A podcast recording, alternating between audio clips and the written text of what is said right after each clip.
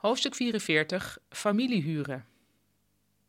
Omdat het in Japan niet zo goed gaat met de liefdesrelaties, duiken er nu succesvolle bedrijfjes op waar je familieleden kunt inhuren. Naar een feest kun je dan een nep-echtgenoot meenemen. Maar het komt ook voor dat een alleenstaande moeder eens per maand een man laat komen om te doen alsof hij de vader van het kind is. En het kind weet niet dat deze man haar vader niet is. En ik heb hier een stukje bij over de kanji van huwelijk. Uh, heeft een interessante opbouw. Uh, het ene gedeelte betekent vastbinden. En het andere, uh, de andere karakter is vrouw en avond. Dus eigenlijk bestaat huwelijk uit vastbinden en avondvrouw. En dan mag, mogen jullie allemaal zelf de conclusie trekken wat dat betekent.